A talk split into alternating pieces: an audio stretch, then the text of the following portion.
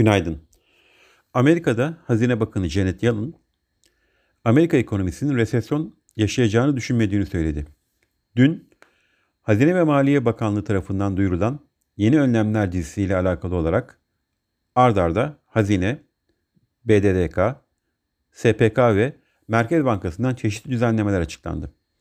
Buna göre hazine geliri endeksi senet ihracına başlayacak. Talep toplama işleminin ise 15 Haziran'dan itibaren yapılacağı belirtildi.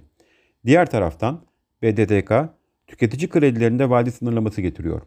SPK halka arz komisyonlarında indirime gidiyor. Merkez Bankası da zorunlu karşılık düzenlemesinin değişikliğe gitti. Bugün yurt içinde iş gücü istatistikleri açıklanacak. Yurt dışında ise Amerika tarafında enflasyon verileri takip edilecek. Borsa İstanbul'da hafif satıcı bir başlangıç öngörüyoruz. İyi günler, bereketli kazançlar.